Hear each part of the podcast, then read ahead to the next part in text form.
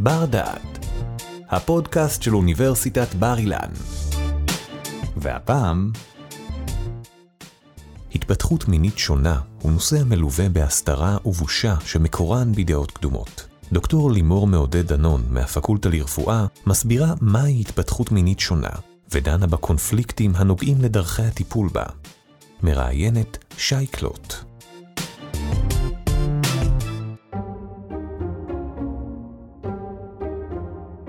שלום וברוכים הבאים לבר דעת, מין, מגדר, מיניות. בעבר, התפיסה בנוגע למושגים הללו הייתה בינארית, או, או, אבל היום אנחנו יודעים כי יש להתייחס אליהם באופן יותר גמיש. איך אנחנו מתמודדים עם שאלות הנוגעות להתפתחות מינית שונה? כיצד הם באים לידי ביטוי מבחינה ביולוגית? ואיך כחברה אנחנו מתייחסים אליהם? וכך גם הממסד הרפואי. על הנושא של התפתחות מינית שונה והקונפליקטים סביב דרכי הטיפול בהם, נמצאת איתי כאן היום דוקטור לימור מעודד דנון, סוציולוגית חוקרת תחומים של רפואה, גוף, מין ומגדר מהפקולטה לרפואה על שם עזריאלי בצפת. היי לימור. היי שי. מה זו התפתחות מינית שונה? התפתחות מינית שונה זה אומר שהמבט הוא לתוך המין הביולוגי. המין הביולוגי הוא מאוד מורכב, הוא בנוי מקרומוזומי מין, גנטיקה, התפתחות של אברי מין פנימיים ואברי מין חיצוניים. ובכל אחד מהמאפיינים הללו, התפתחות מינית שונה זה אומר שהיא שונה מהנורמה שנקבע על ידי המדע. מאז המאה ה-18 ובהמשך גם במאה ה-19 החלו יותר להתעסק בהתפתחות המין בגוף. וכל הזמן קבעו סטנדרטים, מה המאפיינים הביולוגיים שקובעים את המין האמיתי בגוף. וזה לא ברור מאליו. אנחנו מניחים בהיריון למשל, נכון? איך, איך שואלים, איך יודעים שיש אה, בן או בת בבטן? לפי אה, קריוטיפ, קרומוזומי מין. 46XX יכול, את אמורה ללדת תינוקת. 46XY את אמורה ללדת תינוק. אוקיי? אבל אנחנו יודעים מאז שהדברים הרבה יותר מורכבים. קרומוזומי המין לא בהכרח יכולים להשפיע באופן ישיר על התפתחות אברי המין הפנימיים. משהו שם בתהליך יכול להשתנות, כי יש הרבה הרבה אה, גורמים שיכולים לשנות את התפתחות המין. עכשיו, התפתחות מינית שונה זו מטריה מלאה ועמוסה במצבים שונים, שבהם קרומוזומי המין למשל הם לא XX או XY, יש הרבה רצפים והרבה צורות של קרומוזומי מין. זה, זה א'. בהמשך יש גם אה, מצב של התפתחות של הגונדות, של איברי מין פנימיים אה, שונים, בצורות שונות, או שבכלל לא התפתחו. חוסר, חוסר ברחם, חוסר באשכים, חוסר בשחלות וכולי. איברי המין החיצוניים גם יכולים להיות על ספקטרום. יכול להיות קליטוריס, דגדגן, שהוא גדול מהנורמה שנקבעה, יותר גדול מסנטימטר, לעומת פין, שאמור להיות יחסית... אה, אה, יש סטנדרט, יש שתיים וחצי סנטימטר ונראה לעין, לעומת באמת הדגדגן נראה לעין ולא חבוי. חבוי. ובאמת, את אומרת, יש פה איזה צ'קליסט. זאת אומרת, נכון. ש, שבעזרתו אנחנו יודעים להבחין בין זכר, נקבה, נכון. ילד, ילדה, בן או בת, אבל זה לא נכון במציאות שלנו. במציאות שלנו נכון. הדברים הרבה יותר במרכאות מסובכים, יש הרבה יותר מגוון, נכון.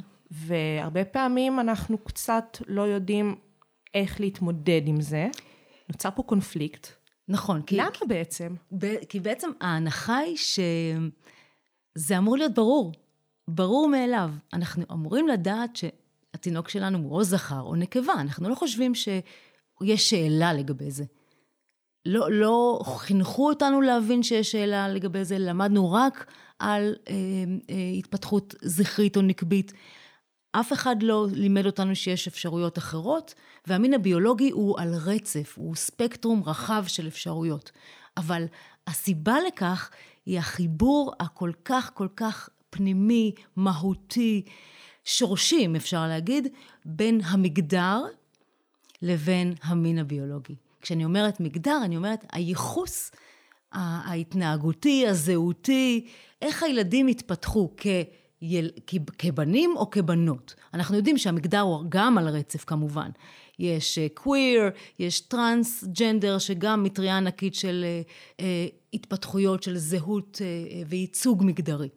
אבל בשלב התינוקי אנחנו מניחים שהמגדר אמור להיות לכאורה מחובר, אימננטי, ממש שזור בתוך, יחד עם המין הביולוגי, לא בתוך, אלא יחד איתו, לצידו. ולכן כשאנחנו רואים, וכשאומרים לנו, אוקיי, יש לנו תינוק או תינוקת, אנחנו כבר מדמיינים ומצפים שהמגדר יהיה ביחס לכך.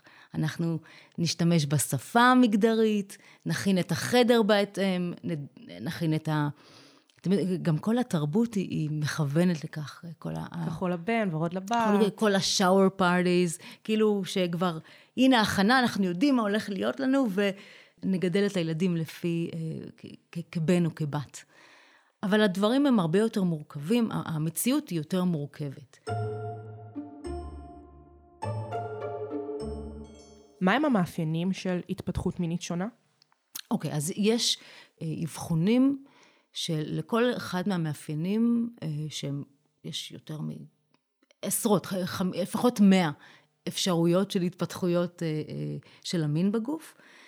הקטגוריות הללו הן מאוד שנויות במחלוקת. למה? כי מצד אחד יש את השיח הרפואי, שהוא מאוד בינארי, הוא מייחס כל התפתחות שהיא שונה מהנורמה לדיסאורדר, להפרעה. הפרעה של ההתפתחות המינית. לכן... עצם השם של התופעה הזאת אה, מצביע על, ה, על התפיסה הזאת של הפרעה. נכון. וכמו שאת אומרת, לא באמת, זאת לא הפרעה, מן סתם. נכון, ותלוי מי, מי מגדיר מה, מהי הפרעה ומה לא. זה מאוד תלוי ב, אה, בנקודת המבט. הנקודת המבט הביו-רפואית היא, היא נקודה שאומרת, אוקיי, יש אה, שניים ויש אה, גם... אנחנו רוצים לעזור בעצם, רוצים לעזור לאותם ילדים שהם לא יהיו חריגים. אנחנו רוצים לעזור להם להתקבל לתוך חברה שהיא בעצמה בינארית, שיש אה, נשים וגברים, בנים ובנות, לא רוצים שהם יהיו ללעג.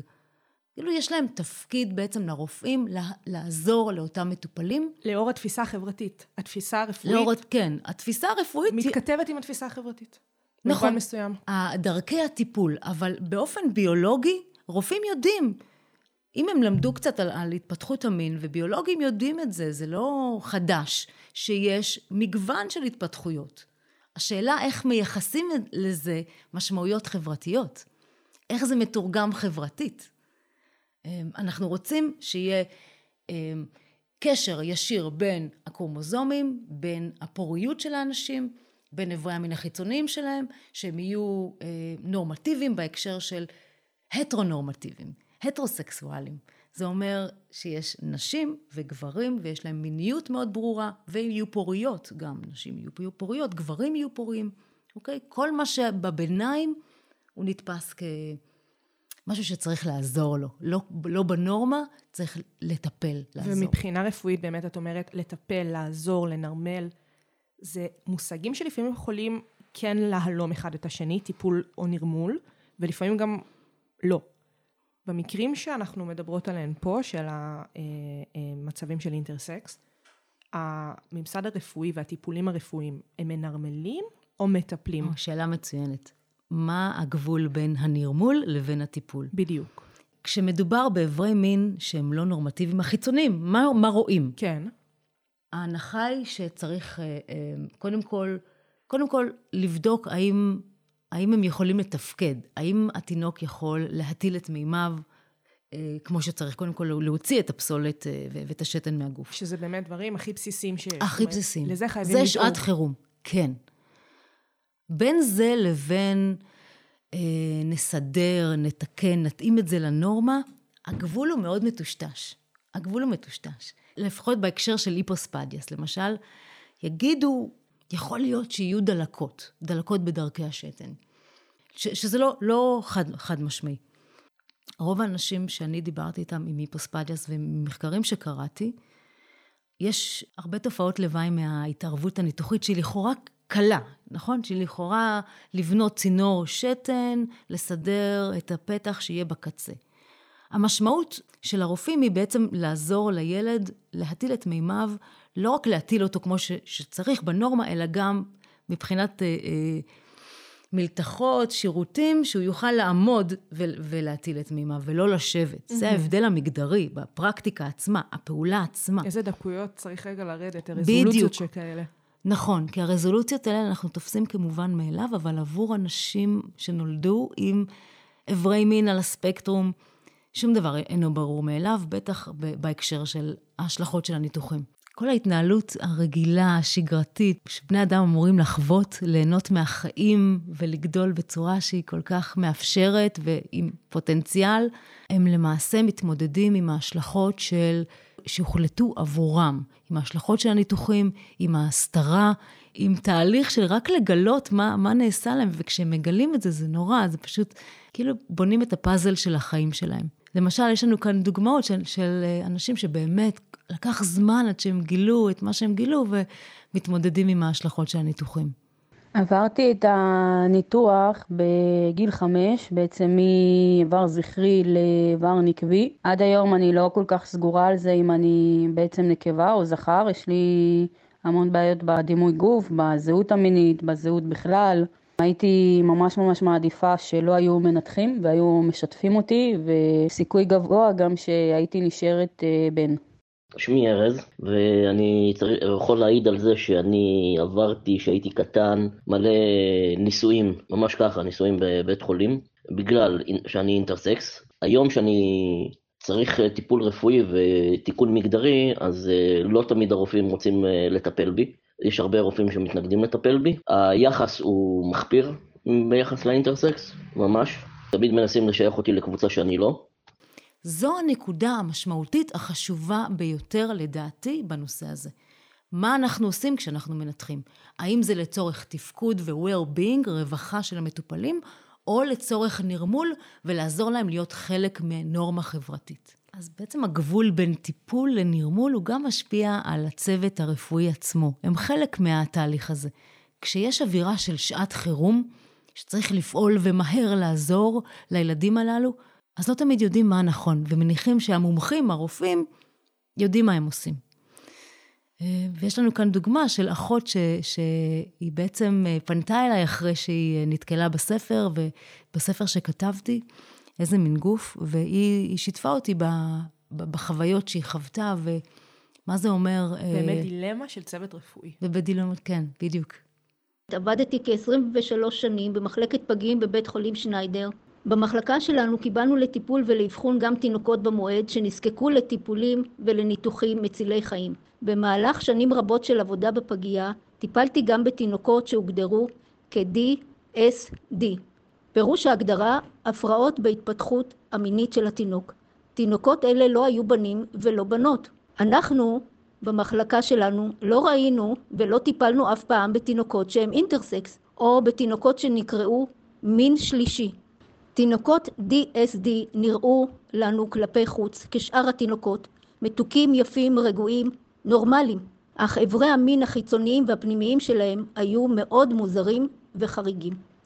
אנחנו כצוות מאוד גדול בפגייה, שכלל כ-70 אחיות, רופאים, עובדות סוציאליות, הגבנו בצער כלפי התינוקות הללו, בסוג של אוי ואבוי, איזה מסכנים הם התינוקות וההורים, כמה חוסר מזל, המומחים האנדוקרינולוגיים הופיעו מיד במחלקה והחלו בבדיקות מיוחדות ובטיפולים.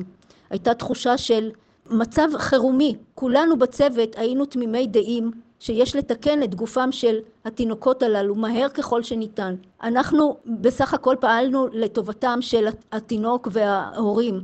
לאחר שקראתי את סיפורה של דוקטור לימור מעודד הבנתי שטעינו טעות מרה למרות הכוונה שלנו להציל את התינוקות האלה מאבדון חברתי, אנחנו גרמנו להם לסבל ולנזק עצום, לא ידענו אחרת.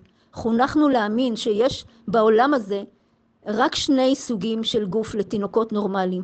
זה או בן או בת, אין גם וגם.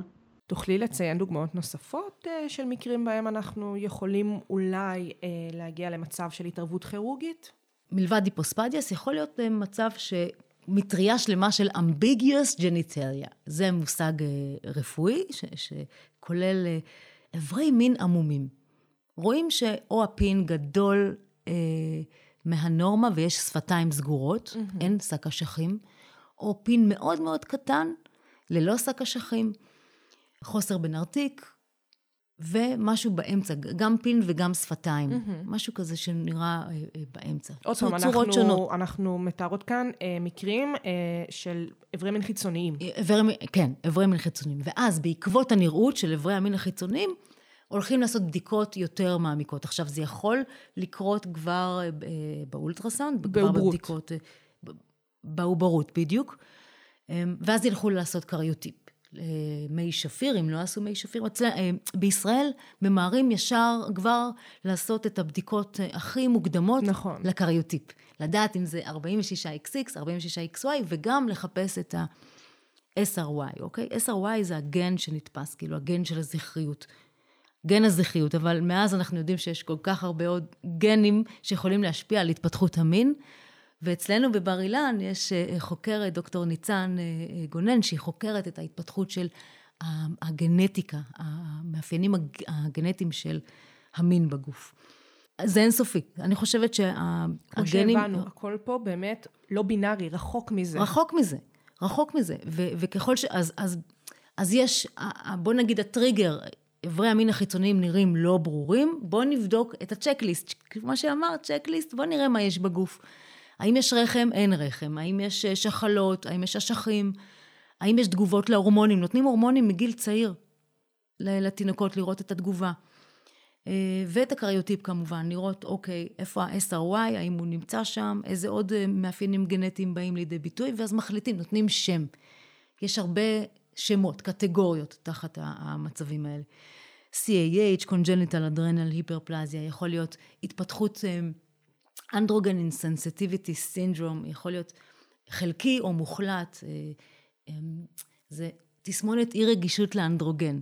באופן החלקי יכול להיות איברי מין שהם אמביגיוס, לכאורה, עמומים, לא, לא ברורים. השם הזה בעצמו הוא לא ברור, כאילו, למי זה לא ברור? עבור לרפואה, הילדים עצמם זה יכול להיות מאוד ברור, כן. הוא חלק ממ- מהם. אבל אה, עבור המערכת הרפואית, המבט הקליני הרפואי המאוד מגדיר, מאוד אה, בינארי, יכול להיות בעייתי.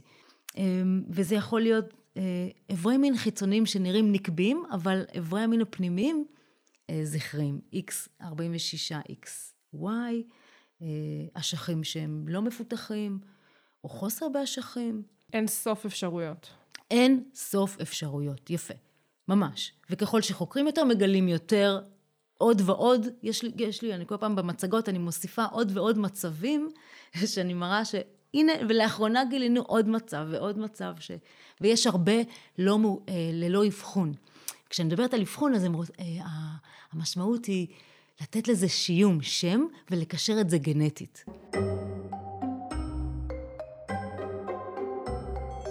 את מדברת על החשיבות של הגנטיקה בהקשר של דרכי הטיפול. מאז ומתמיד התייחסו לרכיב הגנטי כרכיב החשוב כאשר רצו להעניק טיפולים במצבי אינטרסקס? הגנטיקה בעבר היא לא עבדה.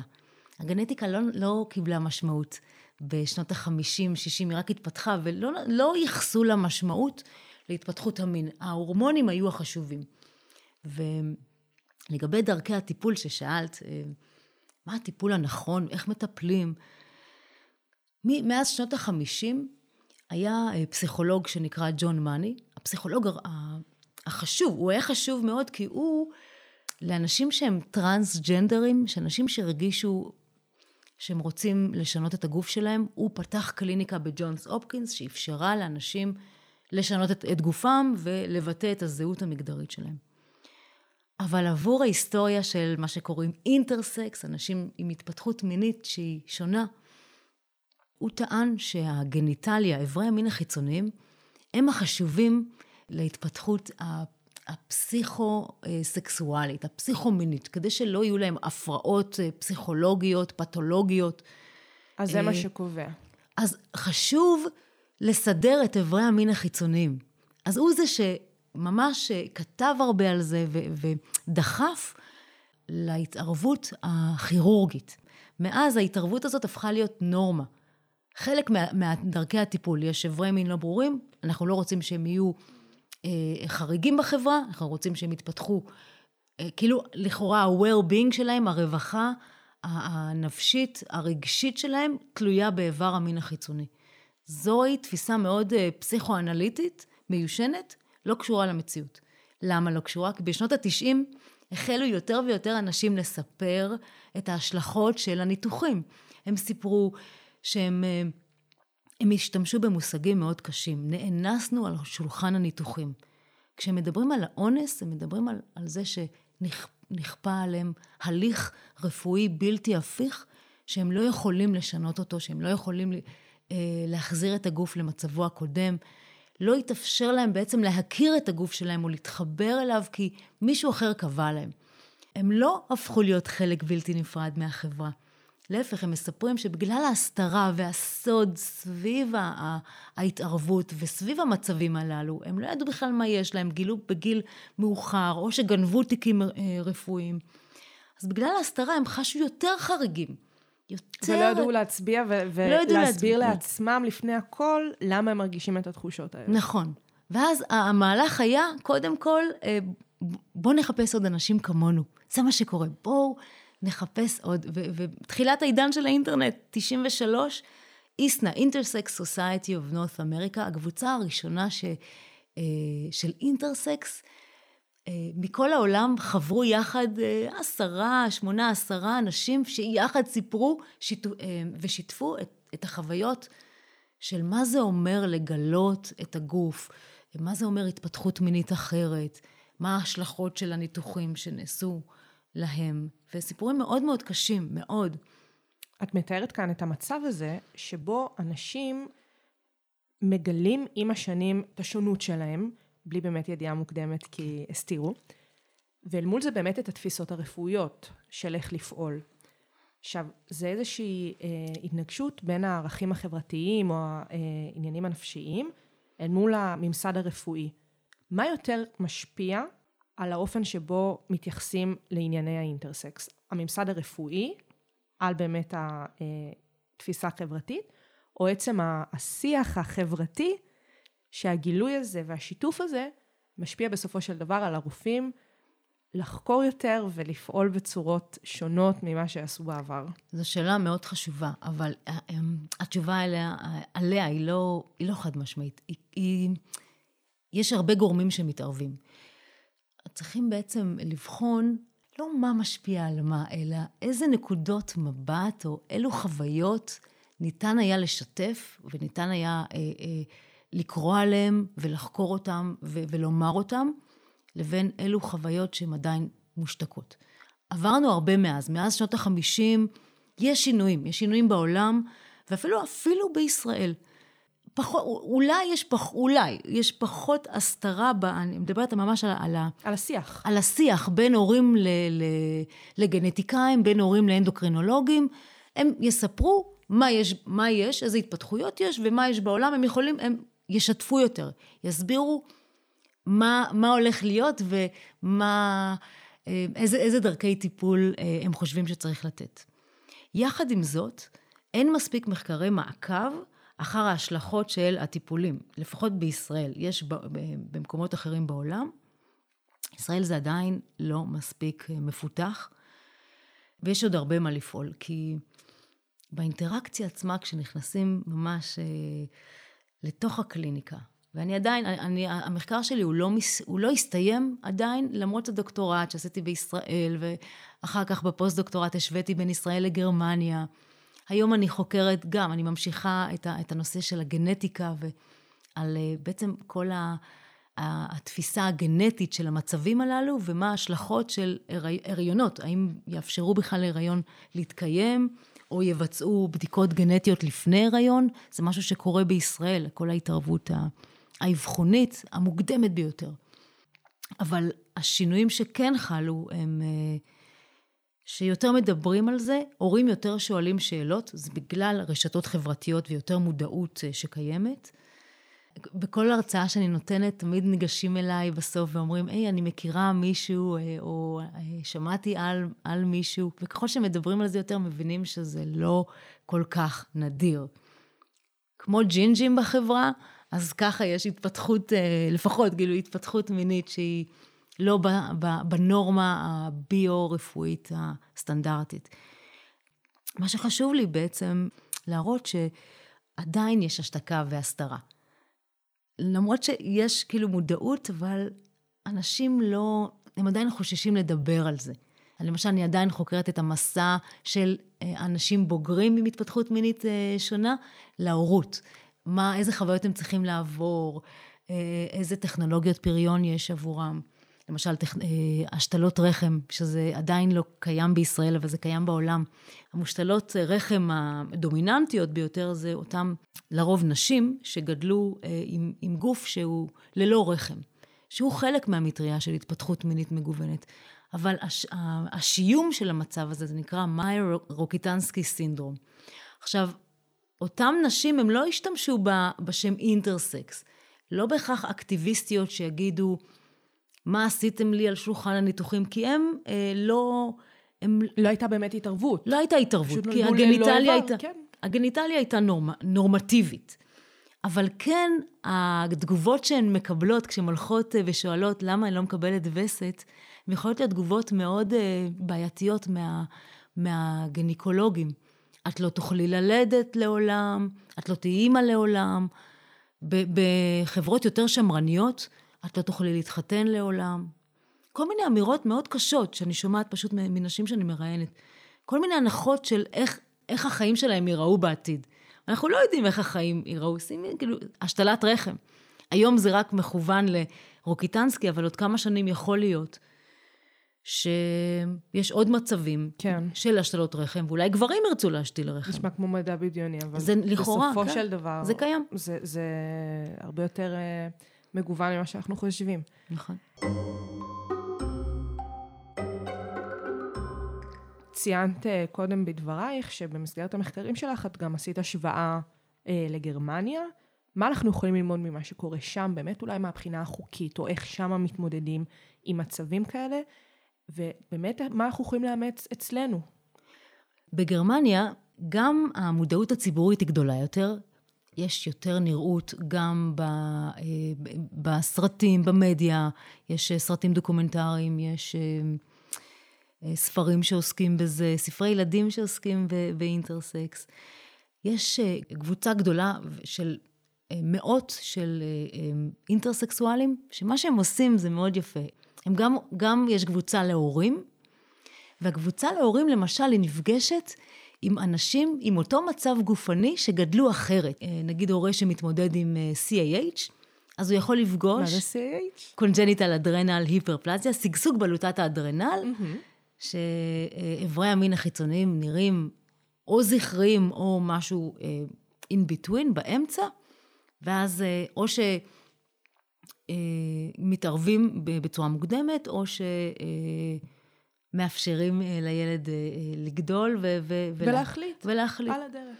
כן, אבל בגרמניה זה אפשרי בשנים האחרונות. עבר חוק לאחרונה שאומר, ההתערבות המוקדמת לשם נרמול היא בעייתית והיא דורשת אישור של בית משפט.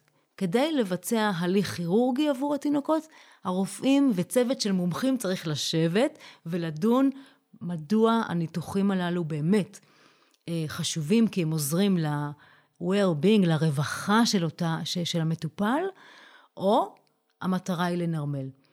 ואם לנרמל, אז למה לנרמל? ומה ההשלכות של הנרמול? כל זה הם צריכים להגיש לבית משפט שיקבע... לטובת הילד. לטובת הילד. המטרה היא לתת אוטונומיה גופנית לילדים. זה משהו... נשמע מסובך נורא. אנחנו באמת מדברות על כל השיח הזה, שכל ההחלטות האלה צריכות באמת להילקח על ידי אנשים בוגרים מהממסד הרפואי. נכון. כלפי אה, או עוברים שטרם נולדו, או ממש ולדים ופעוטות אה, אה, בני יומם. ואז באמת מגיעים הגרמנים עם המודל שלהם ומציבים איזושהי אלטרנטיבה אה, ששמה קודם כל, כמו שאת אומרת, את האוטונומיה הגופנית. יש מודלים אפילו יותר אה, טובים, ואפילו פחות אה, סרבול של בית משפט, או פחות פשוט... בירוקרטיה. על, כן, פחות, יש חוק שאומר, אסור לכם פשוט, אסור להתערב, אסור לנתח תינוקות ללא הסכמתם. ניתוחים שהם לצורך נרמול. נרמול. במלטה זה, זה עבר ב-2015, ובעצם ההורים לא יכולים לעשות את זה. עכשיו, יכול להיות מצב שהורים שאין להם מספיק מודעות, לא יודעים מה זה אומר, ופוחדים, בעיקר פוחדים, ואולי הם בסביבה חברתית שהיא יותר נוקשה ויותר מתערבת בתוך הגוף. והמשמעות של אוטונומיה גופנית היא לא נתפסת כמו שבגרמניה ובמדינות אה, אה, אירופאיות יותר יש את המקום לאינדיבידואל. אז, אז יכול להיות שהם יעברו למקום אחר וינתחו במקום אחר ויסדרו את הגוף כדי למנוע. ואצלנו בישראל, כשאני מדברת על, כשאני שואלת את הרופאים לגבי המשמעות של אוטונומיה גופנית, ואני שואלת אותם האם הם מודעים לחוקים החדשים, יש שהם אה, אומרים, כן, וואו, זה חשוב ו- ו- וזה נכון, אבל אנחנו עדיין תלויים בהורים. כאילו... כי בישראל ההורים הם הקובעים. לא בהכרח. אז, אז המצב בישראל, תסבירי. הוא מאוד מורכב, כי יש את הידע הרפואי, שלפעמים הוא עובר בצורה מוחלטת, בצורה מאוד, אוקיי, זה מה שאנחנו עושים, זה מה שצריך לעשות. ויש את ההורים שמתלבטים ואין להם לאן לפנות ממש, אז הם מחפשים אלטרנטיבות. אבל ההורים החדשים, ממש אה, טריים, הם שואלים שאלות. והממסד הרפואי צריך לתת תשובות? ו, ולהפך, הם, הם מרגישים שהם אה, צריכים להתגונן כי כאילו מציבים אותם בעמדה שמה אתם שואלים שאלות? אתם רוצים להיות הורים טובים? תעזרו לילדים להיות חלק מחברה. תנרמלו. אל תעמידו אותם, את הילדים, במצב שהם יהיו חריגים. יהיו חריגים בחברה. וההורים רוצים את האוטונומיה, הם שואלים שאלות על אוטונומיה, והם לא יודעים מה, מה צריך לעשות. הורים אה, לא תמיד יודעים מה, מהי ההחלטה הנכונה, והאמת היא שאנחנו, כאילו, אין לי איזו החלטה חד משמעית. את לא יכולה לתת להם את ה... אני לא יכולה לתת להם אה, אה, איך להחליט. הנה הנוסחה לגדל תינוק. אבל הם, הם בטוחים שהם עושים את הדברים הנכונים בתוך חברה שהיא מאוד מאוד מנרמלת, ממשטרת. אנחנו, אל תשכחי, אנחנו עושים גם ברית מילה. זוהי הנורמה, הנורמה הגניטלית, הנורמה של איברי המין החיצוניים. אז יש כאן דוגמה של אימא שגם נולד התינוק עם היפוספדיאס, וגם אה, אה, מתמודדת עם ברית מילה וההשלכות של, ה, של הניתוחים הללו. הבן שלי נולד עם אה, היפוספדיאס קל ופין חבוי, כתוצאה מהברית מילה הפין שקע לתוך האור, נוצרה הידבקות, הברית לא נעשתה כהלכה, נשארה חתיכת עורלה, האיבר לא נראה נורמלי, לא נראה לא נימול, לא נראה נימול, נאלצנו לעבור בהמשך אה, ניתוח לתיקון כל הסיבוכים, הרבה סבל, הרבה כאב והרבה מידע רפואי שהוחסר מאיתנו. ולכן צריך לחבר. לכן זה חלק מהמשמעות של הפודקאסט הזה, ליצור חיבורים בין אנשים שחוו את אותם ניתוחים, בין הורים חדשים שיש להם לאן לפנות ולשאול שאלות. רק לשאול את השאלה, האם זה נכון כרגע? האם אפשר אולי להמתין? ולתת אני... לילד שלנו לגדול ולהחליט בעצמו. כן, אם, אם זה לא, לא מפריע, זה לא מזיק פיזית, אז למה אנחנו ממהרים כל כך לנרמל? כי ה... בעצם מה שאנחנו אנחנו כן יודעים שהנרמול יוצר ממש בעיות רגשיות ופיזיות, זה מה שאנחנו יודעים. מתוך הסיפורים של הבוגרים, וזה מה הלקחים שחשוב ללמוד מהם. והחיבור הנוסף שכל כך משמעותי לי זה המיקום שלי כאן בפקולטה לרפואה. להנגיש וללמד אה, סטודנטים לרפואה צעירים, שבעצם הגוף הוא הרבה יותר מורכב מהבינאריות. ו- ואני מאוד שמחה להיות כאן, כי זה מאפשר לי לחבר בין העולמות. דוקטור לימון מועדד דונון, המון המון תודה. תודה רבה. תודה שהאזנתם לנו. באפליקציית בר דעת מחכים לכם עוד הרבה פודקאסטים מחכימים. אתם מוזמנים לצאת איתנו למסעות נוספים אל העבר ואל העתיד. בר דעת, אפליקציית הפודקאסטים של בר אילן, משפיעים על המחר, היום.